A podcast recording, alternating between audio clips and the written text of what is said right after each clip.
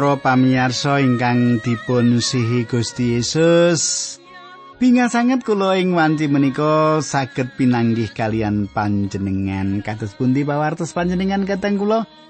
Kula bingah menawi panjenengan samenika wonten ing kahanan ingkang sukorna panjenengan wonten ing kahanan ingkang kinayoman dening Gusti Allah Para pamirsa kula pendeta pujianto badhe sesarengan kalian panjenengan ning adicara margi utami adicara ingkang sampun panjenengan antos-antos. Para pamirsa tasih wonten ing kitab Isra kita badhe sesarengan nyemak kayektosan-kayektosan Kala kepengker sampun dumugi Isra ayatipun pitu ngantos bab kalih ayat pitung dosa. Makaten nggih.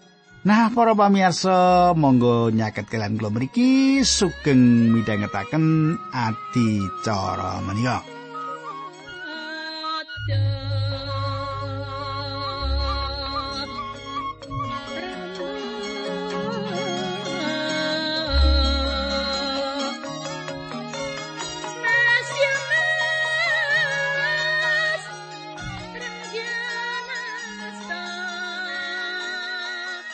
Para pamirsa ingkang kula tresnani, pepanggihan kepengker kita sampun nyemak bilih bangsa Israel sanes namung wangsul dhateng tanah kemawon tanah perjanjian nanging bangsa menika ugi wangsul dumateng pucalan-wucalan papakenipun Musa.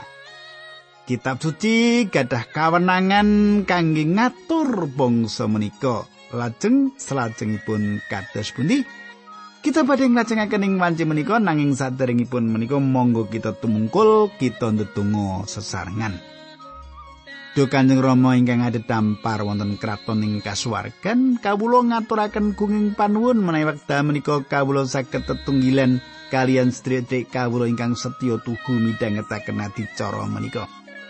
Gusti kawula nyuwun tuntunanipun paduka supados ing pepanggihan menika saged dados berkah lan kegiatan. Dinambaran asmanipun Gusti Yesus Kristus kawula netunggal haleluya. Amin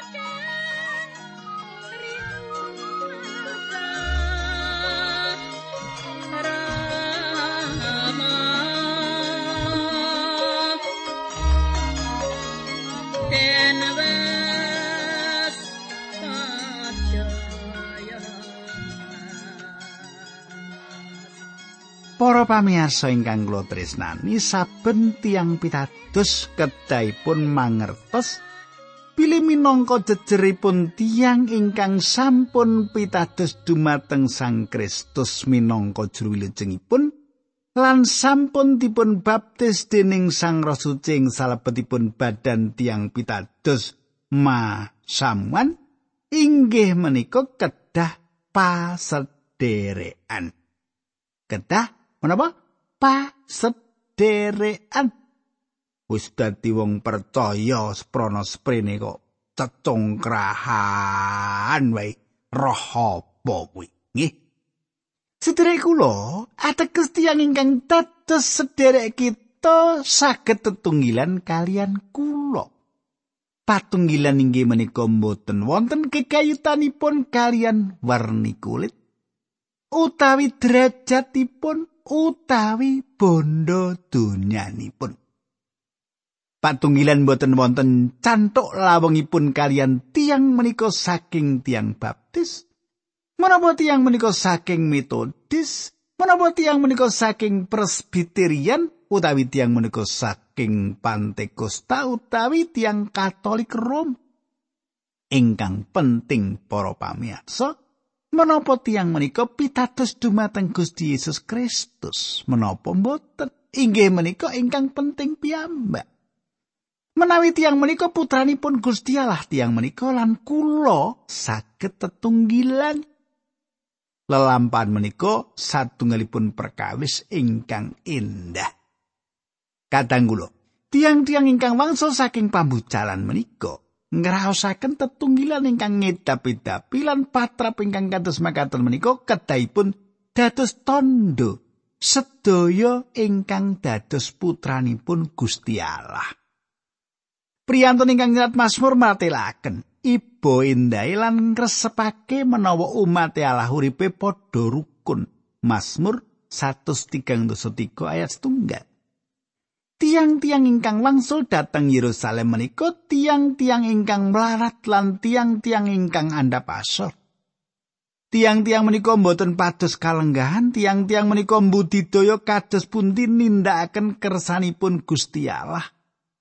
Panjenengan lan kula gesang wonten ing jaman pungkasan lan tumrapipun tiang ingkang mangertos saestu gegayutan wekdal pungkasan menika badhe kathah tuntutan.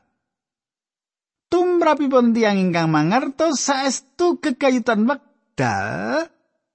Badhe kathah tuntutan. Wekdal pungkasan menika gadah kathah tuntutan. Mazmur selangkung ayat songo. Wong kang lembah manah dituntun ngambah dalan sing bener wong kang lembah hatine ditedai dalan sing dikersakake. Kadang kula kita kedah asipat sareh Ing salebetipun gereja lan organisasi sanesipun kita tansah budidaya supados nindakaken menapa kemawon menika kanthi sae. Ingkang kita betaken sayektosipun inggih menika pinanggih kalian pribadi Gusti Yesus Kristus kados ingkang dipun tindakaken dening tiang-tiang ingkang nembe wangsul ing tanahipun menika. Ayat sekawan lan gangsal. Lan iya banjur padha netepi pernatan riyaya kemah kaya sing katulis sing kitab. Lan nyaosake kurban hubungan pedinan kaya sing dipernata ing kitab. Lan wiwit dek semono dianakake kurban sing ajeg. Kurban hubungan saben sasi anyar lan kurban hubungan ing dina riyaya sing disucikake dening Allah. Uga ana kurban saka saben wong sing nyaosake pisungsung manasuka kunjuk marang Allah. Para pamiyasa panjenengan semak, tiang-tiang ingkang wangsul menika wangsul dumateng pangandikanipun Allah. Tiang-tiang menika sampun mapanaken satunggal mesbeh lan samenika tiang-tiang menika wiwit bangun pondasi pondasi pedalaman Allah menika. Kula lajengaken maos Esra bab 3 ayat 8 ngantos 10. Ing taun kapindho sasi kapindho satekani saka pambuangan Serobabel lan Sialtiel lan Yesua bin Yusadak sarta sedulur-dulur liyane ya kuwi para imam lan wong Lewi apa dene wong kabeh sing teka saka pambuangan banjur padha miwiti mbangun pedalaman Allah ing Yerusalem. Yesua lan anak-anake mengkono Katmiel lan anak-anake sarta wong-wong turune Henadat sing padha ngawasi penggarapane pedalaman Allah mau. Nalika pondasine pedalaman Allah harep wit dipasang dening para tukang, imam-imam nganggo sandangan dinas padha teka nggawa slompret lan wong-wong Lewi turune asap nggawa kecer kanggo memuji marang Allah miturut pernatane Daud raja Israel. Kadang kula Ingkang dipun tindakaken sawetawis menika inggih menika damel mesbeh lan damel pondasi pedalaman Allah. Nanging awit saking semangat lan pandereng ingkang ngidapi-dapi tundhonipun kados-kados tiang-tiang menika gadah anggepan menawi sampun bangun pedalaman Allah menika sakwetahipun malih. Bangsa menika ngawontenaken ibadah peneguhan, pujian lan muji asmanipun Gusti Allah. Menapa ingkang kelampahan menika ngeteraken manahipun bangsa menika? Kala rumiyin kathah gereja ingkang saged mbangun pondasi saking bangunan gerejanipun salajengipun kathah ingkang boten saged ngerampungaken pembangunan gereja menika nanging samenika kita mboten nate marem namung saged mbangun dasaran kemawon. Nanging tiang-tiang Yahudi menika abingah-bingah kanthi manah ingkang makantar-kantar namung kalian bangunan dasar ingkang saged dipun bangun dados bangsa menika ngawontenaken satunggal ibadah pujian syukur dumateng Gusti. Kita lajengaken ayat 11 ngantos 13. Banjur podo menyanyi genti-genti saus puji syukur marang Allah. Panjenengane mirah ing sih awit sih kamirahane langgeng selawase tumrap Israel.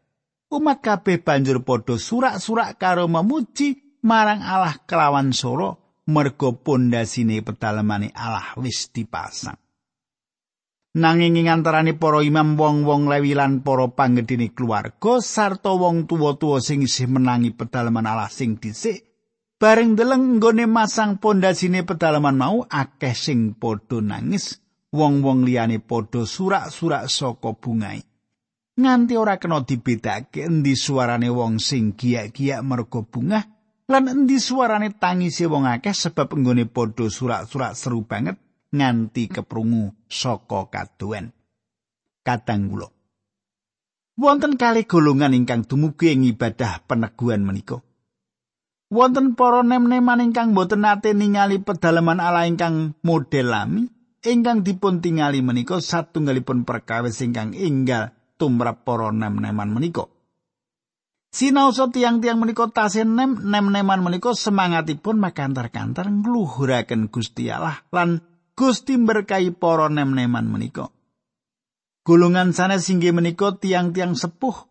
Golongan sepuh tasih emut kados pundi bangunan pedalaman Sulaiman lan kados menapa endahipun bangunan menika. Temtu tiang-tiang menika sami sanjang antawis setunggalan sanesipun. Pedalaman Allah kang iki ora ana apa-apane. Coba yen para nonoman iki tau ngerti pedalaman sing digawe Soleman. Pancen cancangipun tiang-tiang menika mboten bangun semangat lare nem-neman nanging panci menapa ingkang dados sanjangipun menika leres.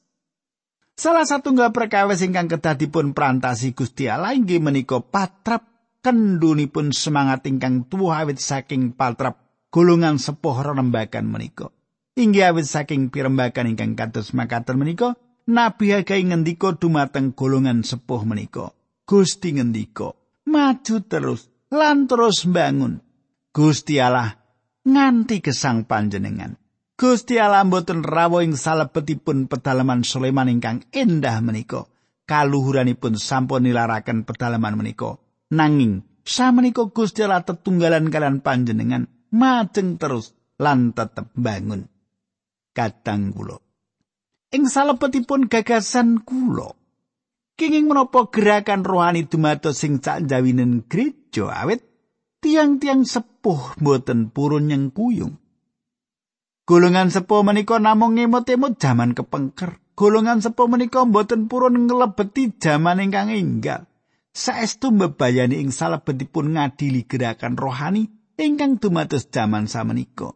Nanging monggo kita sigek pengadilan kita sawetawis. Angin kita anjek sani kita, kita ndek.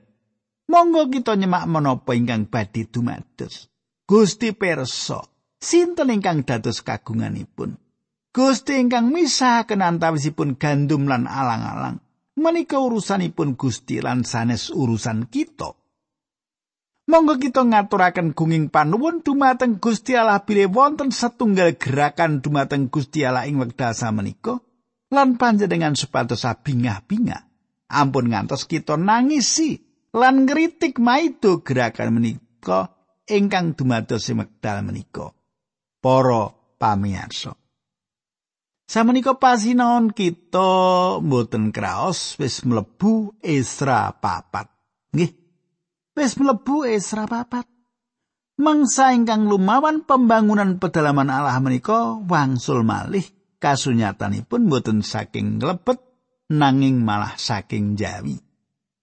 Perangan menika saestu njlibet kula mboten badhe nelasaken wekdal ing mriki kajawi kula nyuwun panjenengan ngatosaken atas menapa ingkang dumados.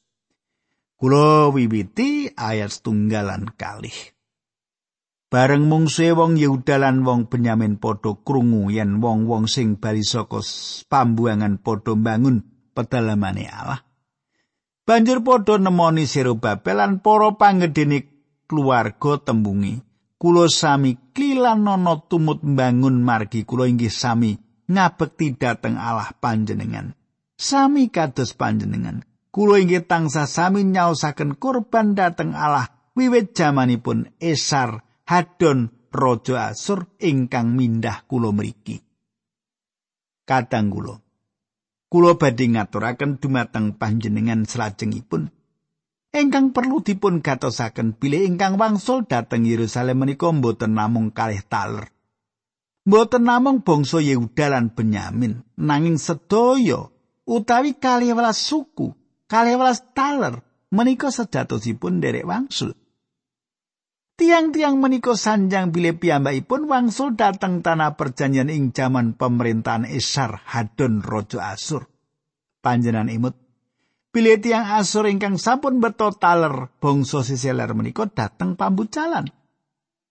Saperangan tiang-tiang menika wonten ingkang derek wangsul ing tanah menika sampun nyampur kalian tiang Samaria.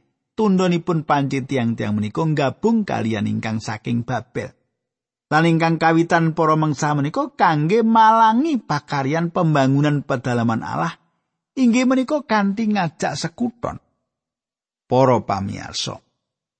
Patrap kados makaten menika sampun dados paekanipun iblis. Menawi jaman samenika lumantar golongan liberal gereja, asring kita ningali golongan liberal mecah gereja lan tanjang. Panjenengan golongan fundamentalis tansah cetongkran gabung kalian kulo sami. Lan awit kita mboten purun gabung kalian tiang-tiang menika pramila kita asring dipun dakwa damel geger. Kita saged manggihaken para golongan liberal menika anggenipun budidaya mecah gereja wiwit-wiwitan. Lan samenika, golongan liberal menika gadah kekajengan saged supados kita purun ginakaken istilah-istilah liberal. Para pamirsa, ing mriki para mangsa Yehuda lan Benyamin sanjang. Aku kabeh ngibadah marang Gusti Allah saben wektu lan kowe kabeh lagi teko. Ayo gabung karo aku kabeh lan kita bakal manembah panjenengane bebarengan. Para pamirsa panjenengan semak perkawis menika saestu sae ketinggalipun saking Jawi nanging sejatosipun pamrih utawi tujuanipun boten murni kados ingkang badhe kita tingali. Kita lajengaken ayat 3. Nanging Babel, Yesua lan para panggedene keluarga Israel padha mangsuli mengkene. Pambanguning pedalamanipun Allah menika sanes urusan kita sesarengan.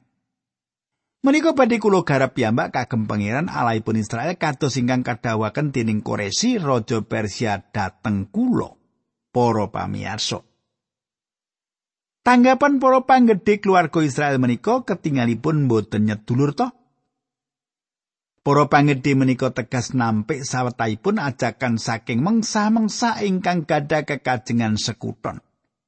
Kita nyemak ing mriki golongan Israel ketinggalipun boten patos kadudut manahipun ing gerakan oikumene babar pindah. Malah sejatosipun menapa ingkang dipun tindakaken menika kasar. Nanging perkawis ingkang dados kawigatosan kita inggih menika bilih menapa ingkang dipun tindakaken menika leres. Ing wekdal cara nyakiti jiwani lelawanan kalian kitab suci pramila kitab suci kedah mimpangaken putra Allah. Kula lajengaken ayat sekawanan gangsal Esra bab sekawan. Penduduk kono banjur gawe kendoning semangate wong ing Yehuda, wong-wong sing nyambut gawe padha diweden-wedeni. Malawi wit sugenge Koresi nganti zamane Darius raja Persia, wong-wong padha nyogok para penasihati sang raja supaya ngalang-alangi niate wong Yehuda lan gagalake rancangane. Para pamirsa samenika kita ningali bilih tiang-tiang menika inggih menika mengsah sanes mitra mangertos menawi dipun tampik tiang-tiang menika lajeng lumawan.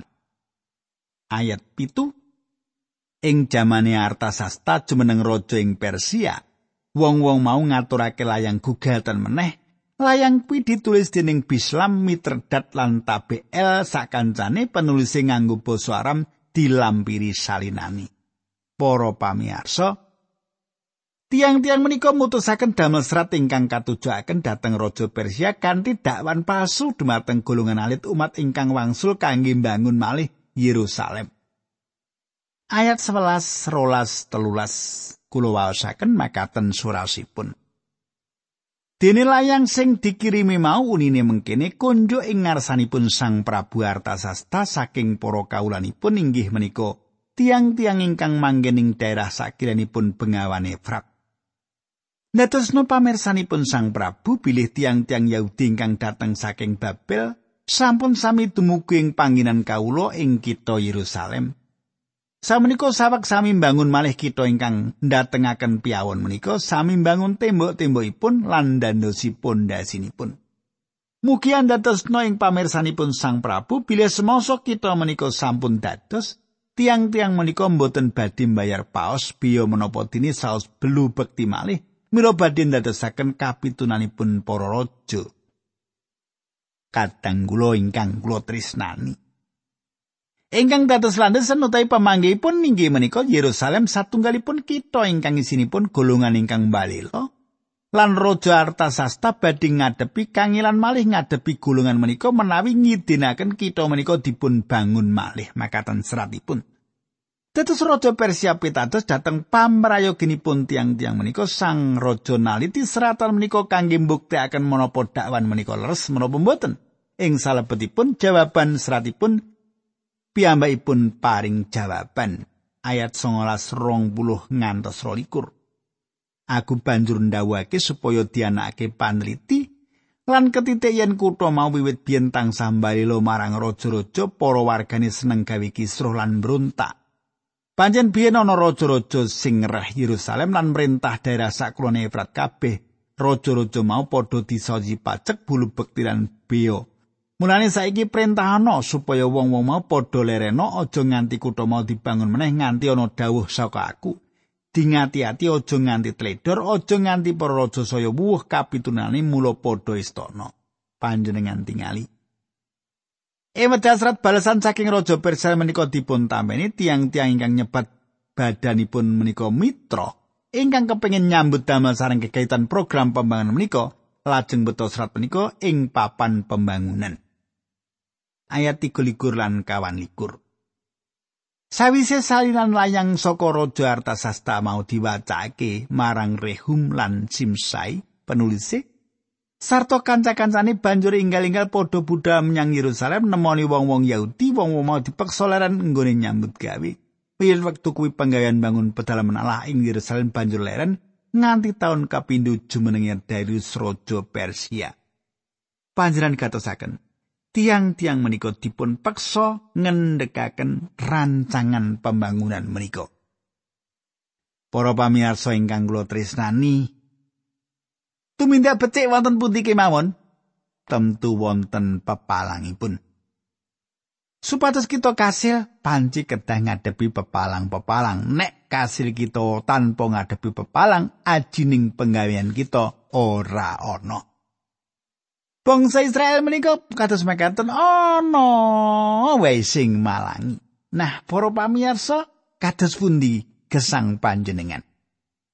Menapa gesang panjenengan samenika kathah pepalang-pepalang lan panjenengan badhe nggayuh satunggalipun gegayuhan nanging ora kelakon-kelakon awit akeh pepalangi. Awit saking menika panjenengan kedah gadas mitra, mitra ingkang kedah ampun panjenengan tilaraken inggih menika semangat lan sumende kalian Gusti Allah. Awit pripun kemawon ingkang ndadosaken kita kasil nggih menika awit kita sumende dumateng Gusti Allah.